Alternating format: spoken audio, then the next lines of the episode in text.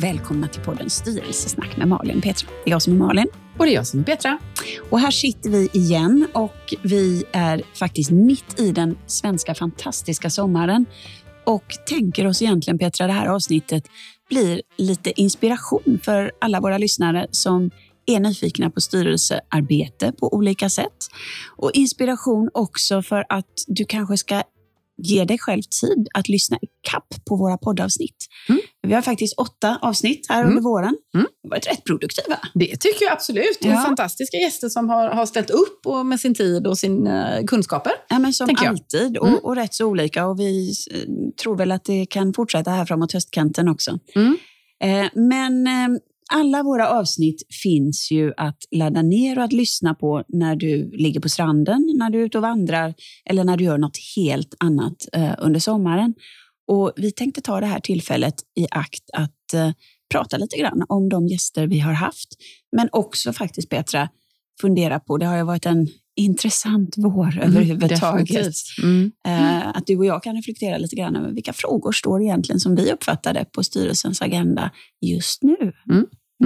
Ja, men eh, vi kan väl titta tillbaka lite grann. Och så här. Eh, först ut eh, den här våren, eh, eller det här året, det var ju Mikael Björkström och Ola Rosenlind som vi hade som gäster. Och, eh, där vi pratar om just det här med förändring. Och de har ju kommit ut med en bok som heter Förändringens fem fallgropar och hur du ska undvika dem. Desto bättre Desto hur bättre. du ska undvika ja, dem. Ett också. lärande ja. i det. Eh, så.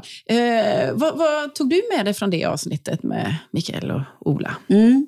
Jag var väldigt, eh, jag kände inte till dem ska jag ärligt säga. Nej. Så att det är din förtjänst mm. Eh, som så mycket annat. Ehm, och jag läste ju boken innan och blev väldigt förtjust. Mm. Jag tyckte att den här boken var ehm, väldigt eh, hands-on. Mm. Det fanns delar som var väldigt relevanta och där man fick konkreta tips och råd. Och Sen tyckte jag att diskussionen med dem fördjupade greppade det på ett bra sätt och de var också väldigt nyfikna själva. För de mm. hade väl kanske inte jobbat de hade inte riktat sig så mycket till just styrelser Nej. i sitt arbete. Så det här med att förändringsarbetet också blir en del av styrelseagendan tycker jag var spännande. Mm. Och, och, för det, det, det, tänker jag ju, det var ju därför det slog mig eller som ett väldigt relevant ämne. Eh, för vi som jobbar strategiskt och, och, kanske jobbar i bolag som behöver göra lite större förändringar så kan man ju fundera över men vad är vår roll i styrelsen och hur ska vi tänka och, eh, och ha med sig det. Eh, nej men jag, jag, tycker precis som du att boken är otroligt konkret och det jag också gillar är ju att eh, de har liksom jobbat med det här i många, många år och att de också då baserar liksom mycket på det som finns inom vetenskapen och forskningen kring de här olika delarna.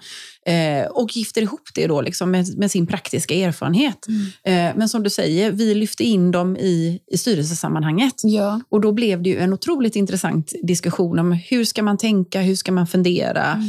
eh, med deras erfarenheter och det som är våra erfarenheter från Precis. styrelserummet. Så. Ja. Och Jag tycker också det här som de hade, för vi pratar ju lite grann om ständig förändring också. Mm. Mm. Eh, att inte bara, oftast så är det inte ett förändringsprojekt från A till B som man har och, mm. och landa och där du kan mm. gå enligt skolboken, utan du måste prioritera och du måste just ständigt eh, förändra och förbättra. Mm.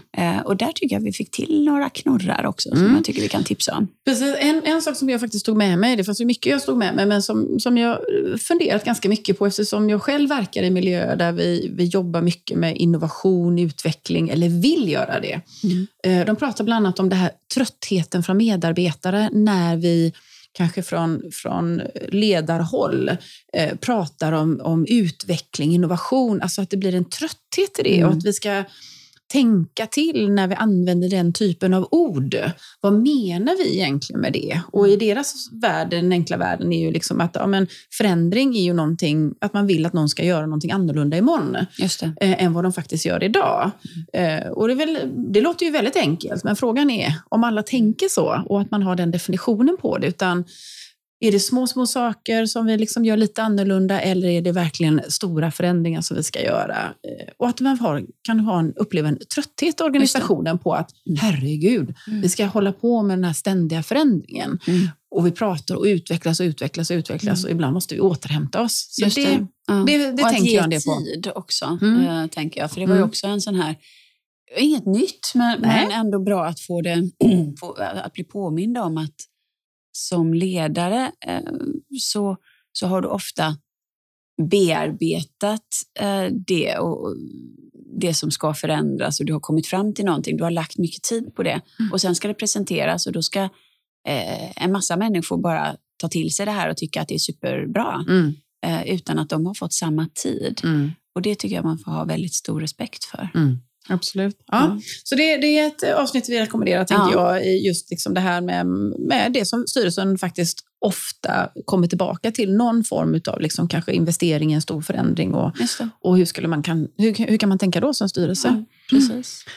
Och efter det ja. så var det ju Ja, men, eh, då träffade vi Christer Olsson och det är alltid roligt att träffa Christer. Mm. Eh, och det här blev ju ett väldigt speciellt avsnitt för att det var liksom, timmarna efter det att eh, restriktionerna släpptes i samhället mm. och veckorna innan kriget bröt ut. Mm. Så det här var någonstans den lyckliga, de lyckliga veckorna under ja, våren på ja. något sätt. Mm. Lite kosläpp. Ja, men lite kosläpp. Då jag tror vi använde det. det mm. den termen mm. nästan. Mm. Uh, och att då få prata med, med Christer om kultur, mm. som ju är hans eh, paradgren och, väldigt, ja men krångla inte till det. Mm. Eh, bygg förtroendekapital. Och han hade ju också jobbat med ett antal styrelser, mm. inte många men, men eh, med några. Mm. Eh, intressant också att han sa att samtliga fem, tror jag det var, hade kvinnliga ordförande som ja. hade ropat in honom för att jobba med med gruppdynamik i styrelserummet. Ja. ja. men Christer är ju härlig på det sättet. Dels är han ju, är han ju väldigt van naturligtvis att prata och förmedla och, och, han är ju en otroligt närvarande och entusiastisk person. Så det är ja. ju härligt att ha honom i rummet. Mm. Eh, och man vet också när han liksom kommer in i en zon där han brinner väldigt mycket för, för någonting, ämne och så här då. Men precis som du säger, det här, krångla inte till det. Alltså, eh, och det här med att, att styrelserummet kanske är ett sånt formellt rum mm. eh, där man det kanske, det kanske ska vara lite krångligt tycker en del för att mm. då utestänger man fler.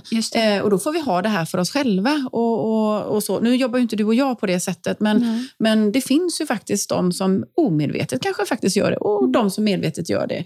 Eh, men just det här med att man måste ha förstått för att förstå. Just det. Och det, det är heller inget nytt, men det är också bra att Eh, liksom, eh, att han beskriver varför han tycker så. Mm. Eh, och Han beskriver ju sin bakgrund då, liksom som chef och ledare. Och när han själv började då, eh, komma lite högre upp i organisationer, hur viktigt han såg att det var att han hade med sig erfarenheter och mycket kunskap av det som faktiskt pågick i organisationen.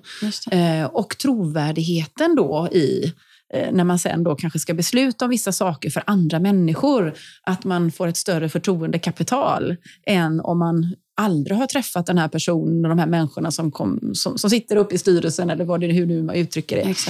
Eh, och att eh, man ska umgås och lära känna varandra mm. och eh, att det är ständigt en påbyggnad liksom av eh, lärandet i bolaget och träffa människorna. Ja, ja men så är det. Och, det. och där gifte sig ju Christers inspel väldigt bra med Ola och Mikaels, mm. Mm. Eh, kände jag. För det mm. var ju också den här förändringsresan som, som Mikael och Ola pratade om.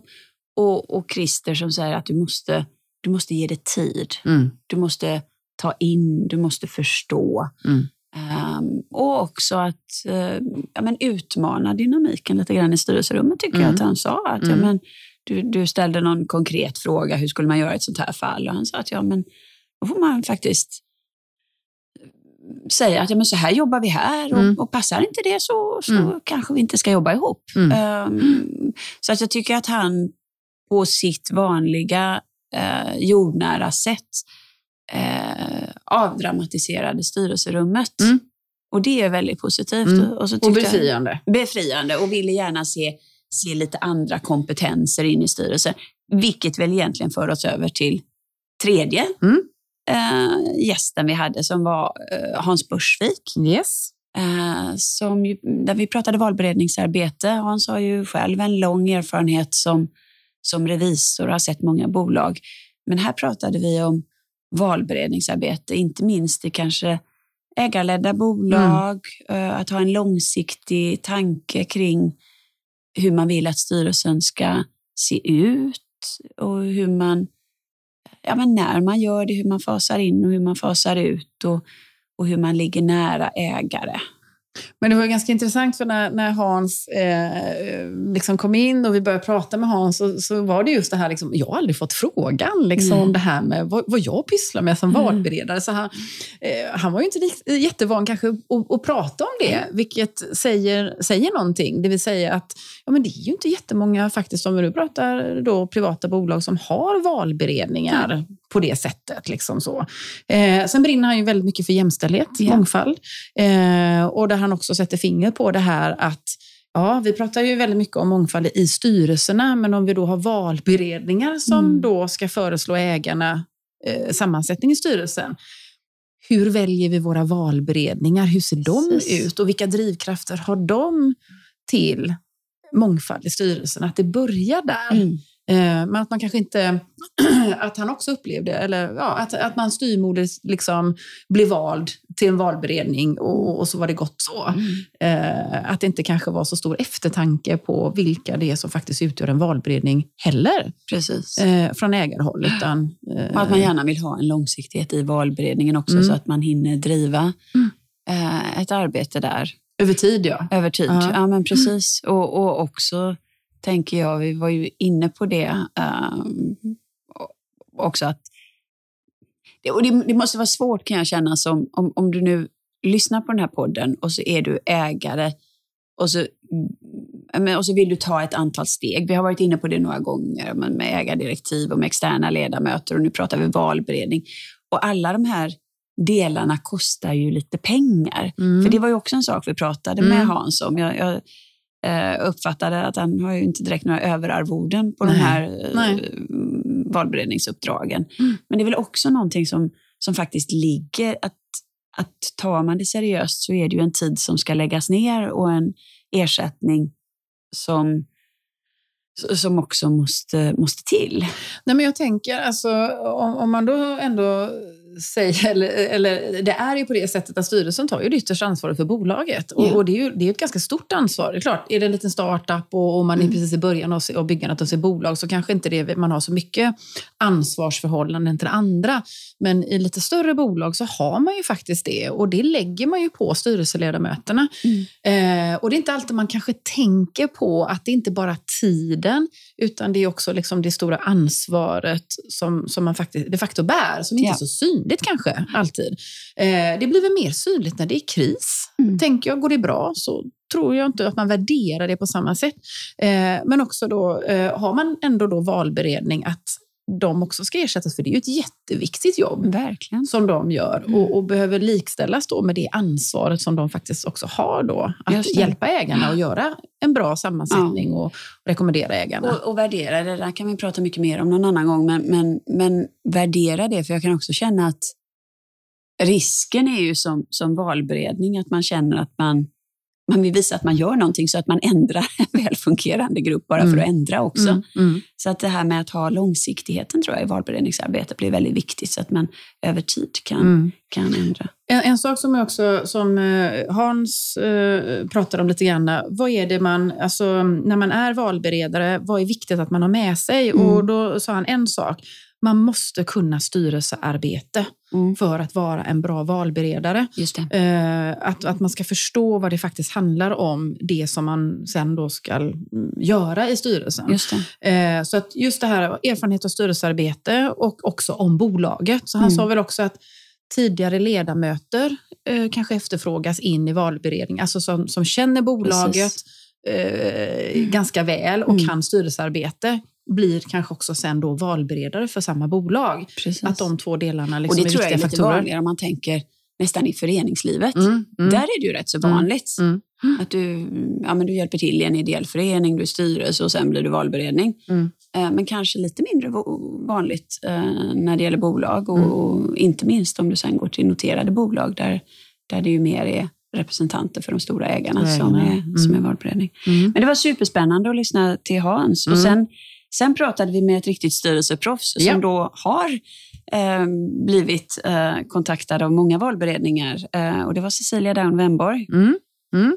Ja, det var ju väldigt, alltså, jag kände inte till Cecilia, eller jag har inte träffat henne innan. Eh, så, och Det var ju otroligt intressant att, att lyssna in henne. Framförallt liksom kring utskottsarbete tyckte jag Just var det. intressant. Mm. Eh, hur hon har jobbat med det eller varit involverad i det. Och det här med hållbarhetsutskott, mm. det tyckte jag också var en, en spännande tanke. Verkligen. Eh, så, så hon hade ju Eh, sen var det nog nya frågor för henne ibland. Eh, mm. liksom några av frågorna som vi ställde med onboarding till exempel, och utvärdering av styrelseuppdrag och lite sådana mm. saker. Men eh, väldigt fin erfarenhet och bjussade, bjussade på, på den. Liksom, ja, men oss. precis. Och vi pratade ju väldigt specifikt om budsituationer. Ja. Mm. Och, eh, både när hon det var ju två uh, tillfällen hon pratade mm. om specifikt. Uh, och det ena där, där var hon väl inte så förvånad över att det var just hon som fick gå in och axla den rollen. Uh, för mm. hon var ändå ordförande och då, då ligger det på, på, på det. Men i det andra eh, fallet som hon kunde beskriva så, så var hon ju ledamot mm. och fick gå in på grund av liksom jävsituation för ordförande. ordförande ja. mm. och, eh, och då sa hon ju också det att ja, men har jag gjort det en gång så vet jag lite mer, då mm. har jag lite mer handlingsplanen. Uh, så att jag tycker också att det det Cecilia satte fingret på genom detta är ju också att när du i styrelserummet stöter på någonting nytt, det finns alltid någon annan någon annanstans som har gjort det förut, men mm. sök extern mm. hjälp. Mm. Men jag tänker också det, eh, när vi pratar om det här med att vara styrelsearbetare som yrke. Just eh, många gånger så kanske man då eftersöker personer som har en branscherfarenhet. Mm. Liksom där att man har kanske varit i lite större bolag och det här bolaget som man nu är inne i vill eh, att ha, ha med sig den mm. erfarenheten på den resa man ska göra framåt. och det man ibland kan glömma bort då, det är ju liksom faktiskt yrket styrelsearbetare, när mm. man har varit i väldigt många situationer som styrelse råkar ut för eh, vd-rekrytering, mm. budfrågan, förvärv, alltså mm. de här frågorna som... Har man då varit med i flera olika bolag så mm. kan man ju mycket snabbare eh, ha en tanke, en plan. Mm. Att sätta Relatera till både vad som fungerade och ja. inte fungerade. Ja, precis. Ja. Och det sätter hon ju fingret på lite grann. Ja. Att hon har en ganska bred erfarenhet av vissa, vissa typer av frågor mm. Mm. Eh, som gör henne väldigt attraktiv då, liksom i, i bolag som har den typen av kanske eh, punkter på sin agenda. Ja. Mm. Nej, det var eh, mm. spännande. Mm. Sen eh, efter Cecilia, då fick vi ju träffa Liselott Hägers Engstam, eh, som är en härlig kvinna eh, med mycket energi ja. eh, och mycket tankar och idéer. Och som just vi, det vi pratar om bland annat, det är ju det som forskningen mm. på styrelseområdet. Vilket, eh, jag är ju jättenyfiken på forskning, det vet jag att du mm. också är. Mm. Eh, det har varit, ska jag säga, inte jättemycket på det området kopplat just till styrelser och, och, och av olika slag. Så, så jag tycker att det är jättespännande att hon är intresserad av det och är involverad i den typen av eh, forskning och hur hon delade med sig eh, av de olika delarna. Mm. Eh, och sen också det här med ordföranderollen pratar vi om.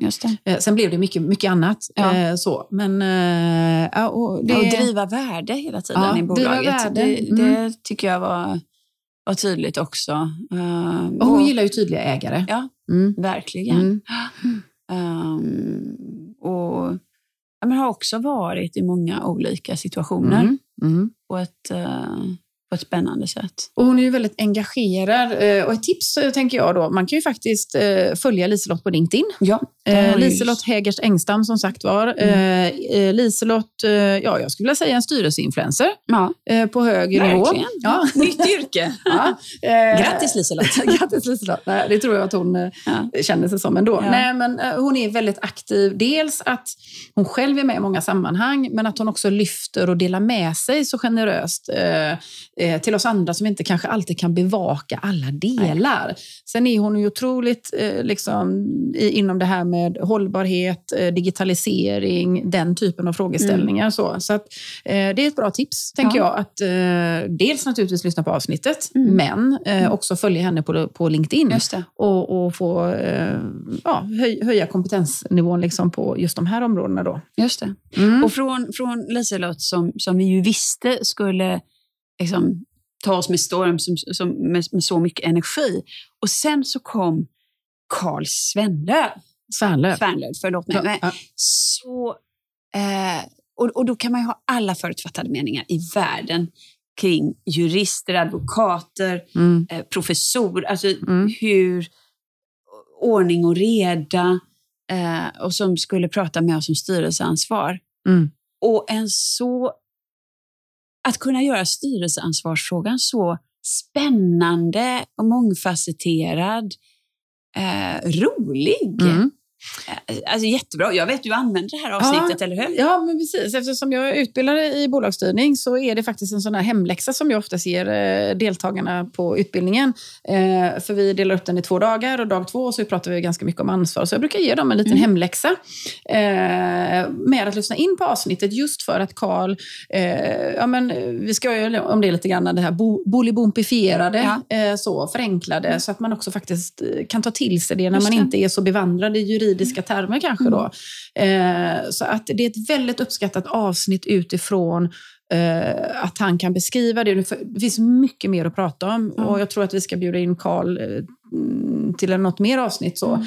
Mm. Eh, för han förklarar det och, eh, och ehm, kan också eh, berätta liksom att han har ju gått igenom väldigt mycket, eller de casen som vi har i Sverige mm. och försökt gö göra liksom sina reflektioner på. Och en eh, sådan reflektion som han, han gör då när han tittar på de casen som ändå har funnits i rätten och, och eh, vilka det är styrelseledamöter som har fått tagit ansvar och vilka det är som har undsluppit ansvar, då, om man mm. säger så. Eh, att just det här med att ta extern hjälp att eh, ta eh, specialister, experter, be om råd och följa de råden. att man har sett det, att det är de som har gjort det, mm. de har ju ansett att de har tagit ja, men rimligt ansvar mm. och inte kan klandras då för att det kanske ändå blev fel. Precis. så så att det tyckte jag, ja, det tycker jag också var ett var gott bra. råd. Och, ja, och någonstans att det är um Ja, men, och termen ansvarsfrihet, innebär det att du är, är ansvarsbefriad? Nej, men du kan gå tillbaka mm. även om du har fått det. Och det handlar om tidigare räkenskapsår. Vi hade något exempel om att det, det Ja, det, vi är ju nästan eh, halvåret in på nästa ja, räkenskapsår och, och, och, då kan man ju tycka massa saker om styrelsens eh, agerande det, under den, den delen. Ja, men precis. Mm. Um, och att det här med styrelseansvarsförsäkring uh, är väl kanske inte riktigt det som som ska ersätta i alla fall det här att ta extern hjälp och att visa att man har ja, men gjort sitt bästa mm. och mm. sökt mm. råd, som du mm. säger. Mm. Nej, men, eh, alltså, man kan ju ändå ha gjort sitt bästa. Alltså, lite grann som man säger, är man hel och ren med gott uppsåt, ja. Eh, ja, men då är det svårt att klandra en styrelse. Ja. En styrelse ska ju ta, våga ta beslut om bolagets framtid och det är med stor risk. Ja.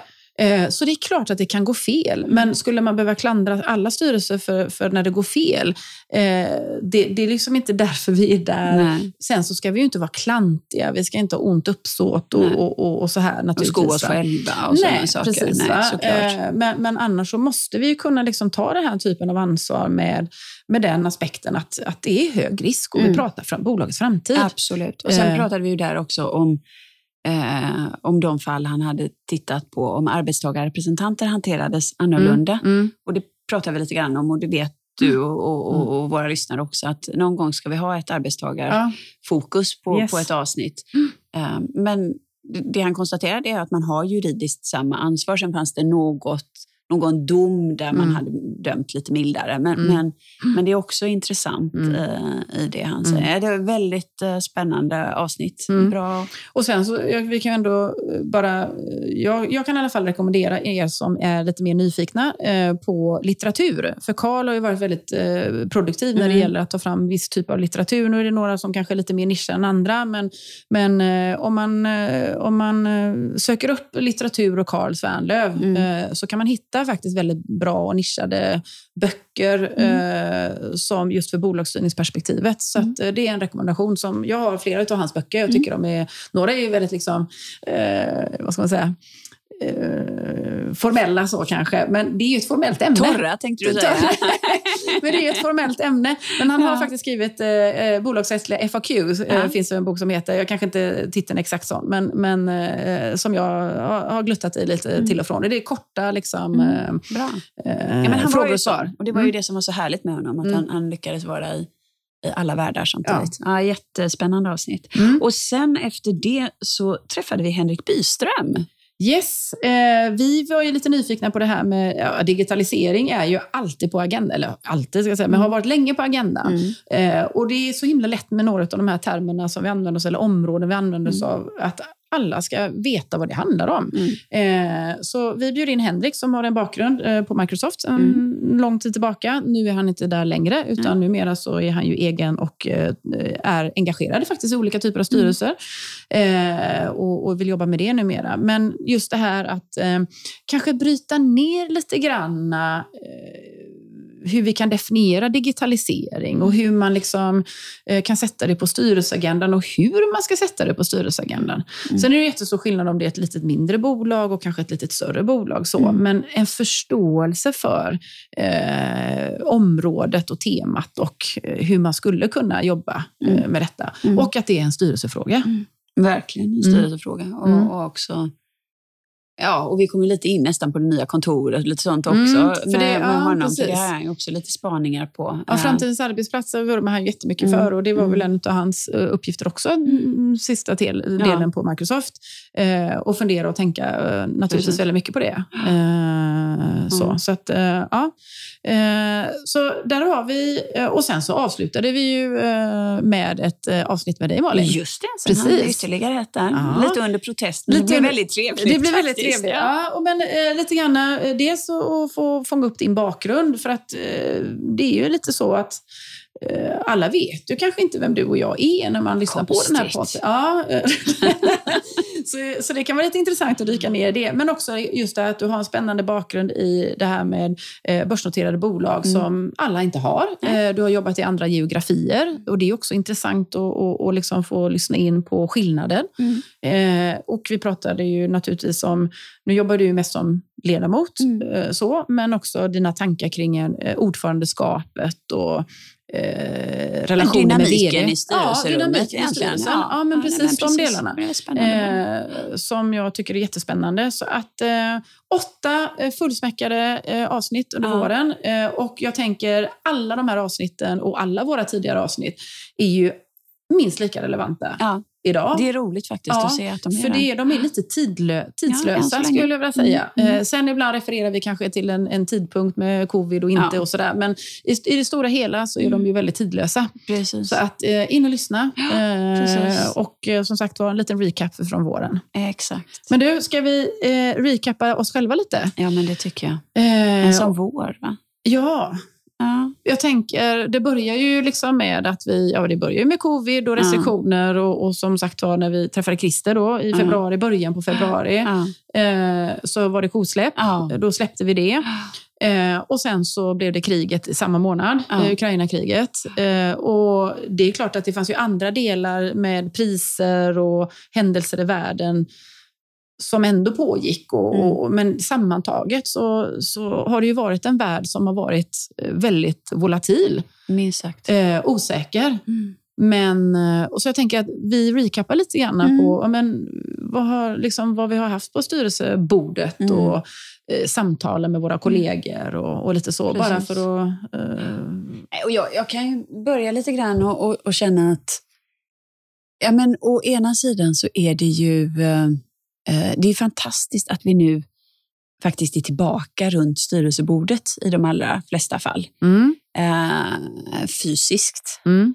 Att vi inte, att, och, och, vi till och med är ute i, i, bolagen och i verksamheterna och träffar, träffar riktiga människor. Mm. Eh, så det tycker jag är otroligt värdefullt. Och så har vi kanske utifrån det lärt oss lite grann att ja, men vissa möten kan vi nog framöver också ta på Teams, om det är ett, ett uh, revisionsutskottsmöte till exempel. Det, det, kan man ofta ta. Men där är jag lite nyfiken. Har, har eh, ni i, i, era styr, eller dina styrelser mm. resonerat kring eh, ja, men just hur ska vi mötas? Ja. Alltså nu, mm. ja, har ni kommit fram till någonting annorlunda? Ja, det har vi också okay. gjort. Vad är det ni... Så vi har något, ett av mina uppdrag, där har vi, där har vi liksom planerat årshjulen framåt så att vi ska ha eh, kortare eh, teamsbaserade möten i samband med kvartalsrapporter och sen mm. så lägger vi in lite längre eh, strategimöten som ofta är ute på, på någon sajt. Då. Och fysiskt då? Eh, fysiskt mm. då såklart. Mm. Um, så att det, det har vi liksom planerat företaget höjd för och det, det, Det tycker jag känns jättebra. Mm. Eh, min, nej, men, nej, men min reflektion i, i mina bolag är att... Eh, eh, för jag tänkte liksom så här, ja. jag är ordförande, så ja. bara så här, men nu öppnar vi upp för den diskussionen. Liksom, mm. Ska vi ses annorlunda nu, eller liksom mm. annorlunda framöver? Och jag uppfattar att man inte vill det. Okay. Utan att man gärna ser att, nej, men vi, nej, jag vill titta dig i ögonen. Mm. Vi ska titta varandra i ögonen mm. och så. Så att, eh, självklart om vi ska ha liksom sån här eh, inemellanmöten, ja. men inte styrelsemöten eller våra liksom, kanske strategikonferenser och de här delarna.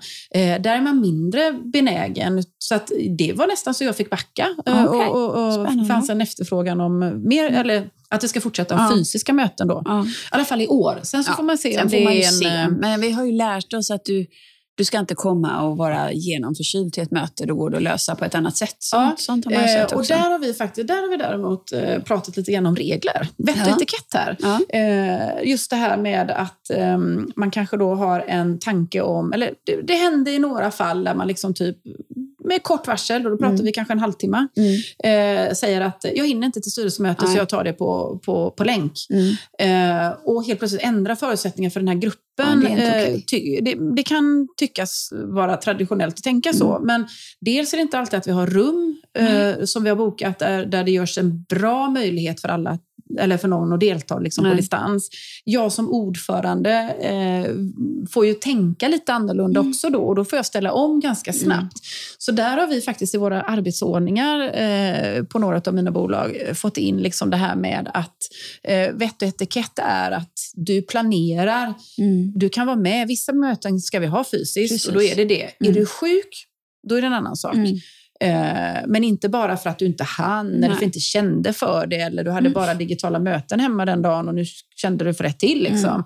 Mm. Så det, så. Men att man aviserar det till ordföranden en vecka innan att jag har för mm. avsikt att inte mm. delta fysiskt. Så att man kan rigga för det.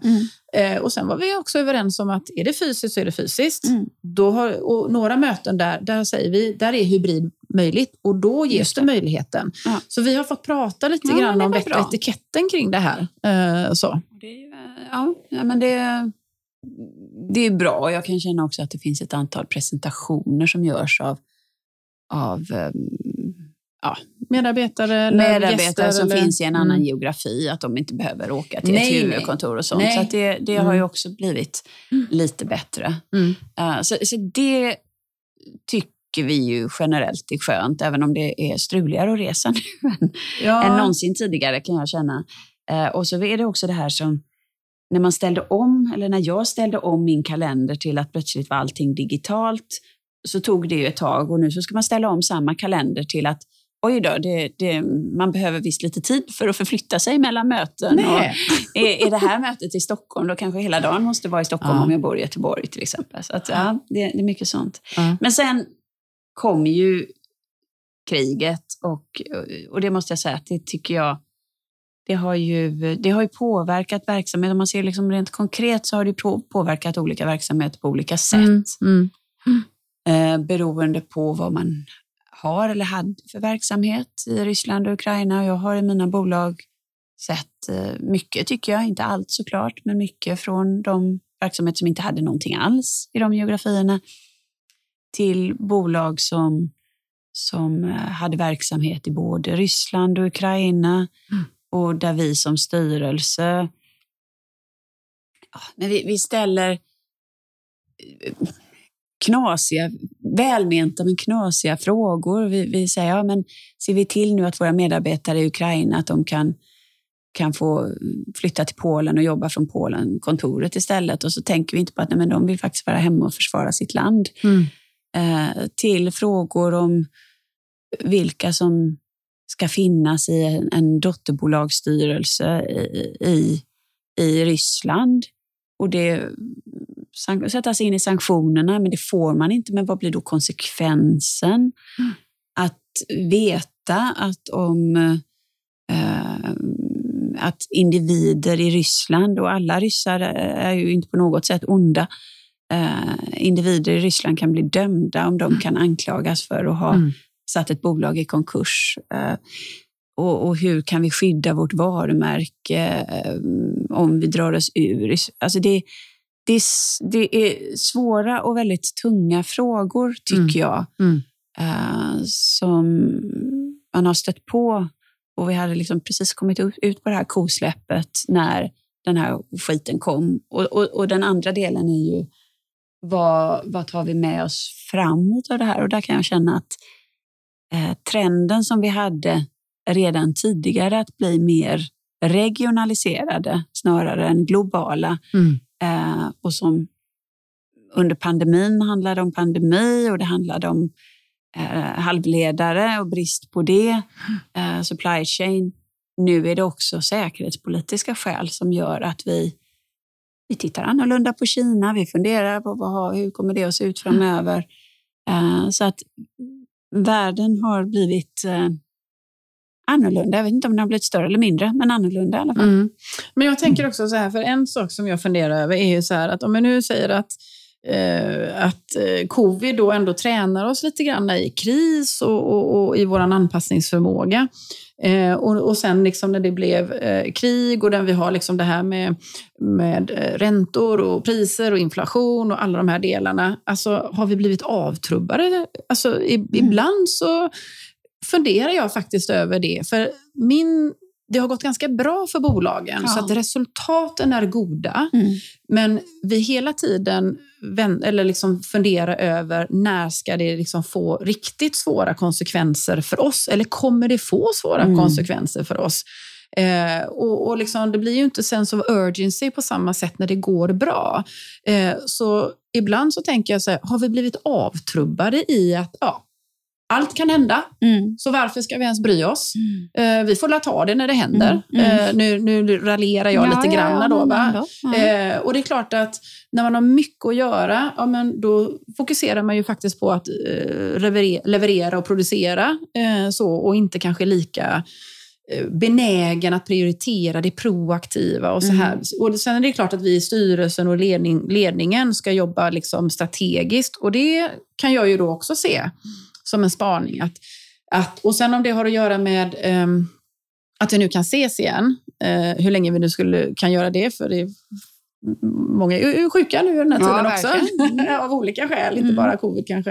Eh, nej, men just det här att det fanns en, en, en törst efter att träffas på strategidiskussioner fysiskt, strategikonferenser. Eh, jag ser också att eh, fler är intresserade av scenarioplanering som man inte mm. alls hade eh, kanske på samma sätt varit intresserad av innan.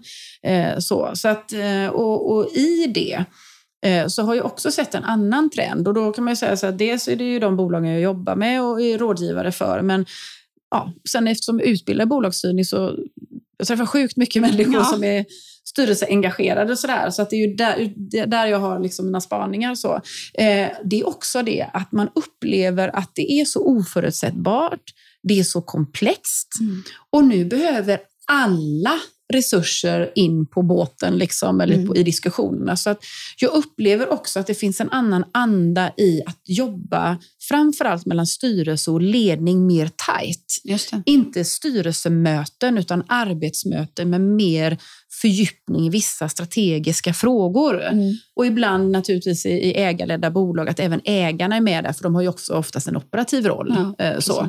Eh, att man då ser att ja, men, styrelsen behövs som resurser. Mm. Vi, kan inte, vi, vi, måste avropa deras tid på att hjälpa oss och, och, och eh, se på de här eh, svåra, komplexa mm. utmaningarna.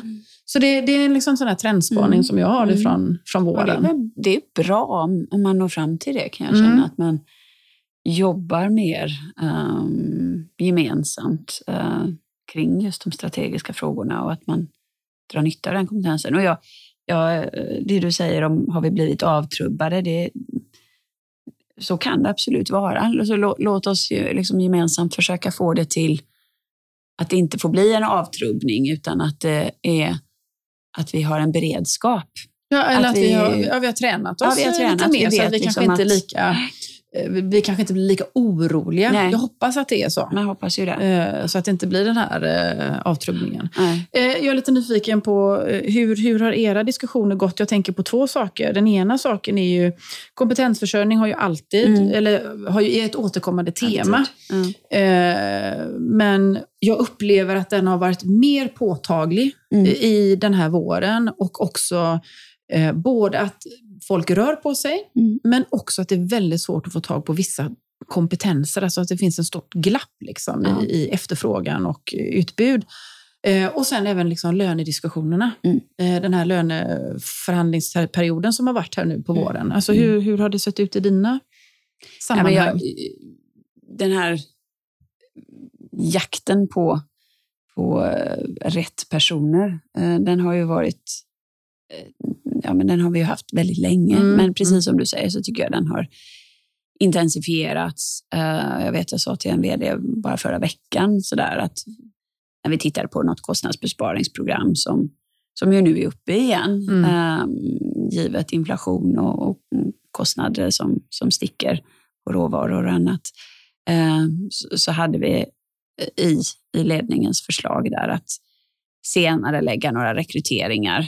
Um, men jag vet att jag sa det att ja, men just när det gäller nyckelkompetenser så där, där, där ska vi bara rekrytera Mm. eh, om, om vi hittar rätt, eh, rätt personer för oss. Eh, men jag tror att eh, att det är svårt. Det, alltså jag, jag tycker också att det känns som att det har varit svårare nu. Och, och det är klart att under pandemin så satt ju väldigt många stilla i båten Mm. Mm. Ja. av olika skäl. Mm. Helt naturligt. Helt jag. naturligt. Mm. Mm. Eh, och därför så är det ju en annan rörlighet nu. Mm. Men absolut att det är vissa kompetenser som är, är väldigt svårt att, eh, att få tag på. Mm. Och det där kan jag bara säga att det, det är inte ett svenskt fenomen, utan så ser det ut precis överallt. Och då, då kan man ju liksom fundera på, vad, vad är alla de här människorna? Är det så, nej men jag bara tänker så att, har de funnits innan och Mm. de är borta? Och vad är de?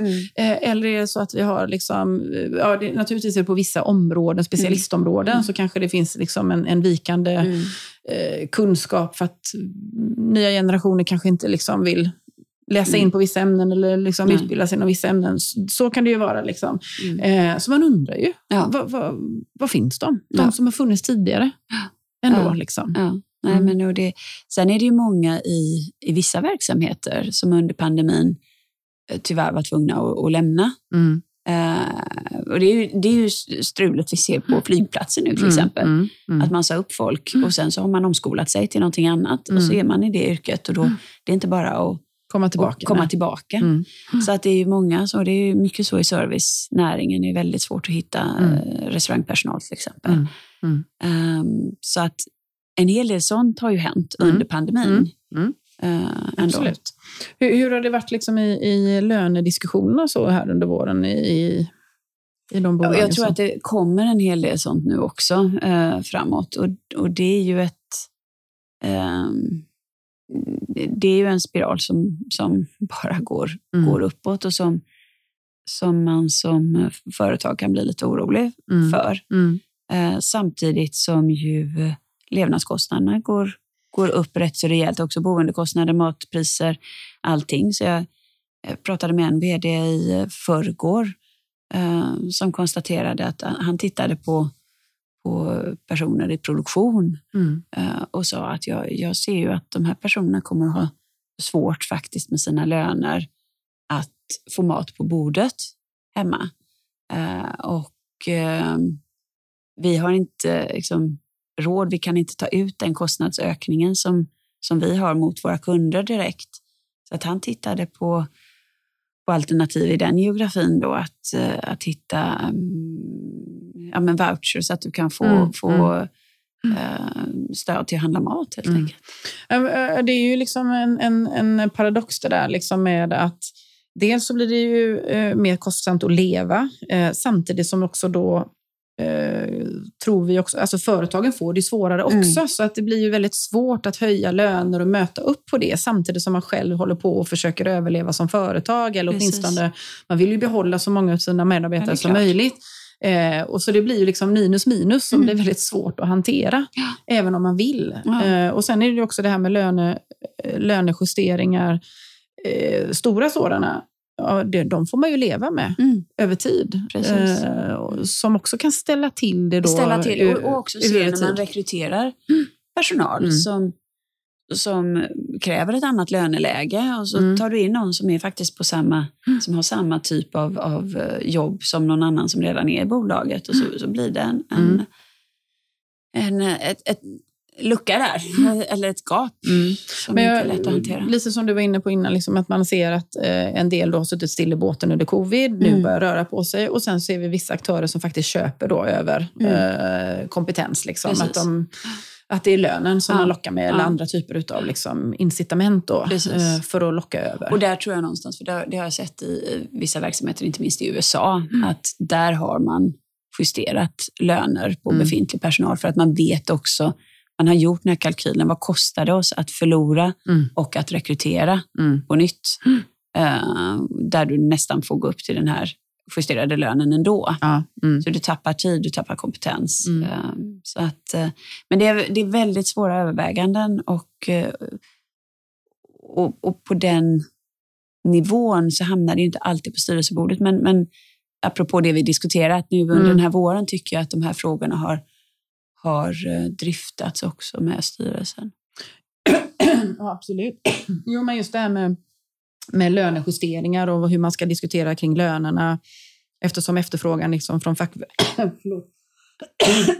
fackförbunden också har varit att man, man vill ta hänsyn till liksom ja. de ökningar som ändå är hos, och, och, liksom i samhället, när, och leva, bo ja, ja. och äta, liksom, alla de här delarna. Så att, mm. Eh, jag, I många av mina bolag så har vi i alla fall lagt oss lite högre mm. än vad vi i normalfallet kanske mm. har gjort tidigare. Ja. Ja. Eh, så.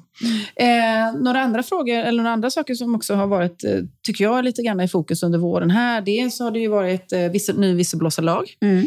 Eh, och eh, lite grann Precis. beroende på storlek på bolag. Ja. Eh, utreda det, hur, mm. hur man behöver mm. justera mm. helt enkelt liksom, mm. kring det. Eh, vi har från första juli nu så har vi en ny eh, LAS-lag ja. eh, också som, eh, som innebär liksom att man behöver kanske förstå lite mm. granna kring vad är förändringarna i den. Mm. Eh, och sen också det här med att det kommer EU-direktiv på hållbarhetsrapporteringen Precis. och hållbarhetsmålen. Eh, taxonomin mm. och de här mm. olika delarna. Så att jag tycker också att för mina bolag mm. eh, och även då när vi kör styrelseutbildningar så mm. har det kommit upp betydligt mer frågor och kring liksom mer lagförändringar som vi behöver liksom utreda hur vi liksom lever upp till eh, när de väl träder i kraft. Och också en stor skulle jag vilja säga, framförallt i våra utbildningar då, att man har en, en, en, inte en oro skulle jag vilja säga, men att man, man uppfattar det som väldigt övermäktigt. Ja. Det blir, det blir ju inte mindre. Nej, det blir inte mindre. Och, och, och någonstans eh, tiden mm. som, som styrelseledamöter och ordförande, alltså ja, men styrelseledamöter förväntas lägga ner ökar ju inte så mycket heller och då är ju frågan vad är det man ska ge avkall på? Mm. Och vissa saker då, mm. givet lagar och regler, kan mm. vi inte ge avkall på? Hur, kan man göra det på något mer effektivt sätt? Eller, för att det är viktigt att inte tappa den strategiska diskussionen. Det är faktiskt där vi kan tillföra värde. Ja, men, men det var ju lite grann när vi pratade med Henrik Saxborn mm. i förra hösten. Mm. Eh, lite grann det här att, att det driver ju, de här lagkraven mm. driver ju också att de måste ha kun, alltså kompetens och personal, resurser i ja. bolaget. Så det kan ju vara så att vi också kommer att se den typen av kompetenser som vi måste ha i bolagen. Som servar eh, liksom vd, ledning mm. och, och, styrelser med mm. att ha bevakning på dem. Kanske lite tidigare än vad man har sett tidigare yeah. när, när man växer. Liksom. Uh, skulle man kunna mm. tänka sig att mm. det blir en effekt av det. Uh, och sen så är det lite, lite, lite islossning på arvodesfrågan. Ja, jag har hört det. vi, vi, vi, tror på det när vi ser det, eller hur? Ja, lite, lite så. Ja, nej, men, eh, ja, ni som lyssnar på den här podden är säkert medvetna om att man då inte får fakturera styrelseuppdrag och att det, så har det, väl, så har, så har det varit liksom enligt ABL hela tiden. Men mm. Skatteverket gjorde en möjlighet för, för vissa då att, eh, att skicka fakturer från eget bolag och det tog man bort för några år sedan. Eh, och där har ju både Styrelseakademin och Svenskt Näringsliv och, och Företagarna och, och flera eh, eh, arbetat hårt liksom, mm, med, att, med att försöka eh, se om det finns liksom möjligheter. Därför att man också ser då att det var många som, in, som, som inte ville vara kvar mm. eh, som styrelsearbetare. Eh, och att man såg också då att eh, bolag eh, behöver den här externa kompetensen. Mm. Och, eh, kanske inte då fick möjlighet till att attrahera den kompetensen Precis. för att ersättningsmöjligheterna kanske inte var så bra. Mm. Så vi hoppas ju då, nu är det ju valår, mm. eh, att det är flera partier som ändå tycker att det här är intressant mm. och eh, kan ställa upp på att man ska göra någon form av ändring i den frågan. Mm. Så att eh, vi får hålla tummarna för det, tänker jag. Ja, det får vi verkligen göra, för det, det, det är faktiskt en viktig fråga. Det, det vet alla som lyssnar på, på podden här, men det är, det är inte något litet särintresse, utan det handlar väldigt mycket om, om eh, kompetens för våra bolag, alltså mm. att kunna, kunna få till sig mm. det. Och för oss som faktiskt har det här som yrke, att eh, ja, kunna sätta av lite pengar för pension och styrelse och egen vidareutbildning och annat. Ja, men det, alltså det, det, det tarvar ju på att ja. och, och, eh, omsätta sig själv i styrelseuppdrag. Ja. Ja. Och det kostar ju och, och, det har du ju inte när du får det här arvodet utan du ska ju stå för alla de delarna. Precis. Så det går ju ingen, privat. och det är viktigt, mm. och, och, alltså det går ju ingen nöd på oss här och nu, men det är ju den här långsiktigheten i, mm. i en normal anställning som, mm. som vi inte har på det sättet. Precis. Eh, en annan, ett annat tips som vi bara kan ge på tal om säkerhet också, då, det är ju faktiskt det att ehm, eh, man på Bolagsverket kan spärra sig själv för att någon annan inte ska kunna sätta in en som målvakt, ja. varken som vd eller styrelseledamot. Mm. Eh, så det är väl lite tips, liksom mm. gå in och då är det en, eh, man kan googla på Bolagsverket eh, och skriva målvakt, mm. tror jag det man kan göra. Så fyller man i en liten ansökan dit och skickar in och då måste eh, Bolagsverket kontakta en först innan man blir inregistrerad. Ja, eh, för det tar ju ändå lite tid mm. innan man får mm. den informationen till sig när någon har gjort det. Och det kan ha hänt ganska mycket i ett bolag då när man ovetandes har blivit inregistrad mm. med sitt personnummer. Bra. Så det är väl ett sånt där litet säkerhetstips som vi tips kan ge också. Från coachen. Tips, tips från coachen. Härligt. ja, ja, men vad härligt. Mm det finns mycket som man kan vidareutveckla eh, själv över sommaren. Vad, vad, vad tänker du eh, ta med dig under sommaren? Och reflek du reflekterar ju alltid, men inför... Ja, men det finns tider där man liksom skulle haft lite mer tid. Eh, så, och det är väl en sak man kan reflektera över. Det är ju den här restiden som vi nu har fått tillbaka. Att det. det. är faktiskt, även om vi inte gillar den riktigt kanske, mm. eh, alltid, så, så är det ju faktiskt en tid där vi kan reflektera. Just där det. vi tvingas kanske. Mm. Eh, och vi kan inte ha uppkoppling kanske, eller eh, vi störs mm. inte av andra. Vi sitter på ett tåg, eller mm. i en bil, eller Precis. på ett flyg. Eller på en båt för den delen också. Mm. Eh, så, så att, eh, nej men um, jag, mitt tema är eh, tillsammanskapet. Mitt mm. tema är att eh, bygga tajtare relationer eh, med dem jag jobbar med. Mm. Jobba med eh, individanknytningen liksom, för att den är bra för gruppen. Det.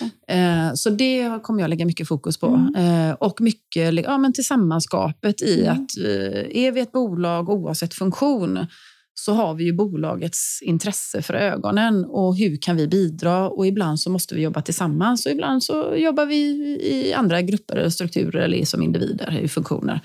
Så, så att det, det är väl mitt eh, Eh, tema att stärka relationer. Just det, att mm. göra varandra bättre. Att göra varandra mm. bättre, det är en väldigt bra uh, utgångsläge. Mm. mm. mm. Härligt. Mm. Vad har du? Uh... Ja, det tycker jag är bra. Alltså, jag snor lite av dig där, tänker jag också. Men um, annars så tänker jag också att det är uh, den här liksom, positiva överhörningen, att, att, att lyssna och att att, att fortsätta att omvärldsbevaka mm. för att det, det händer så mycket och att eh, lära eh, att det finns alltid någon där ute som, som kan guida dig, att du inte måste sitta och hålla på dina, dina utmaningar själv. Eh, inte ens som styrelseledamot, du mm. har en väldigt tydligt ansvar att hålla saker och ting konfidentiellt. Mm. Men det finns så vikten av nätverk och vikten av att ta extern eh, hjälp mm. när det behövs tycker mm. jag är någonting. Och sen ska jag lyssna på våra poddavsnitt, tänker jag, när jag är ute och går i sommar. Ja, men alltså, det här ibland, eh, när man lyssnar på poddavsnitt, så eh, ena gången så fastnar en ja. grej och andra gången så fastnar någonting annat. Så att man kan mm. alltid repetera. Så. Men om vi tittar in i hösten, liksom sådär, mm. vad, vad, är det för teman som du skulle tycka var spännande att vi liksom pratar om till hösten med potentiella gäster? Ja, men eh, vi måste få till det här med arbetstagarrepresentanter. Det tycker mm. jag är viktigt. Mm. Um, så det tänker jag att vi ska göra. Mm. Eh, sen har vi någon liten spaning kring eh, risk eh, mm. som jag tror att vi ska se till att hantera. Mm. Och jag tycker också att det här med eh, eh lite investerare Mm. Mm. tycker jag. Och om de tänker någonting kring styrelser eller inte. Det vet man inte. Nej, precis. Vi får fråga. Ja, vi får fråga. Ja. Och mm. du då?